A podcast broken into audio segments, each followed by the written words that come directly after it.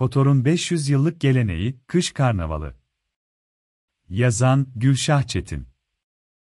Kotor, küçük ancak tarihi ve kültürel miras açısından oldukça zengin bir sahil şehri. Karadağ'ın sahil bölgesinde yer alan Kotor, özellikle yaz turizminin merkezi konumunda. Kotor Old Town, Perast kasabası ve Orladi of Terok Kotor şehrinde bulunuyor. Ayrıca tarihi Kotor şehri 1979 yılından beri UNESCO'nun Dünya Mirası listesinde yer alıyor. Romalılar tarafından M.Ö. 168 yılında, Acruvium ismiyle kurulan şehir zaman içerisinde Bulgar İmparatorluğu, Sırp Krallığı, Macar İmparatorluğu ve Venedik Cumhuriyeti arasında el değiştirdi. 1185 yılından sonra bölgenin en önemli ticaret limanı haline geldi. Venedik yönetimi altındayken iki defa kuşatılan şehir 1918 yılında Yugoslavya'nın bir parçası oldu. Şehirde hala Venedik ruhu yaşamakta, mimari yapıdan günlük hayata kadar hemen her yerde Venedik esintisi hissedilmekte. Venedik'ten kalan en büyük miras ise eğlence tutkusu ve karnavallar. Kotor'da özellikle yaz aylarında pek çok karnaval düzenleniyor. Bu sayede şehir karnavallar şehri olarak da anılıyor. Karnavallar şehrinde kış karnavalı. Kotor'da düzenlenen sayısız karnavaldan en eskisi ve belki de en büyük kış karnavalı. Kış karnavalının 504, sü bu sene 24-28 Şubat tarihleri arasında kutlandı.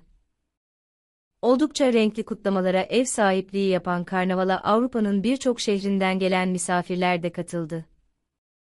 Karnaval boyunca geleneksel maskeli balolar, geçit törenleri, çocuk karnavalları, konserler ve yöresel yemek tanıtımları ve çeşitli şenlikler yapıldı. Önce yargılandı sonra yakıldı. Karnaval şenliklerinin ardından, bana kalırsa karnavalın en can alıcı noktası olan, Piklet, Lucifer Eyaleti, adlı karakterin tüm sorunların ana suçlusu olarak yargılanması ve devamında yakılması oldu. Geçen yıl işlenen birçok ciddi suçtan hakkında iddianame hazırlanan Piklet'e isnat edilen suçlardan bazıları. Eylem ve eylemsizlikleriyle, başta yargı ve savcılık kurulu olmak üzere tüm yargı sisteminin dağılmasına neden olmak. Anayasaya ve yeminine aykırı olarak kendisinin ve meslektaşlarının koltuklarını son nefese kadar savunmak. Karadağ ve Kotor Körfezi'nin suçlular, zimmete para geçirenler ve kaçak milyarderler için vaat edilen bir cennet olmasını sağlamak. Belediye meclisinin çalışmasını imkansız hale getirmek, böylece geçen yıl sadece 3 toplantı yapılabilmesine sebebiyet vermek. Bunlar suçlardan bazıları olmakla beraber toplam 9 ciddi suç hakkında hazırlanan iddianame kabul edildi.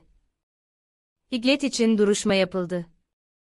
Her ne kadar avukatı tarafından suçsuz olduğu yönünde savunma yapılsa da suçlu olduğuna hükmedilerek yakım işlemi gerçekleştirildi. Yakılan Putin miydi?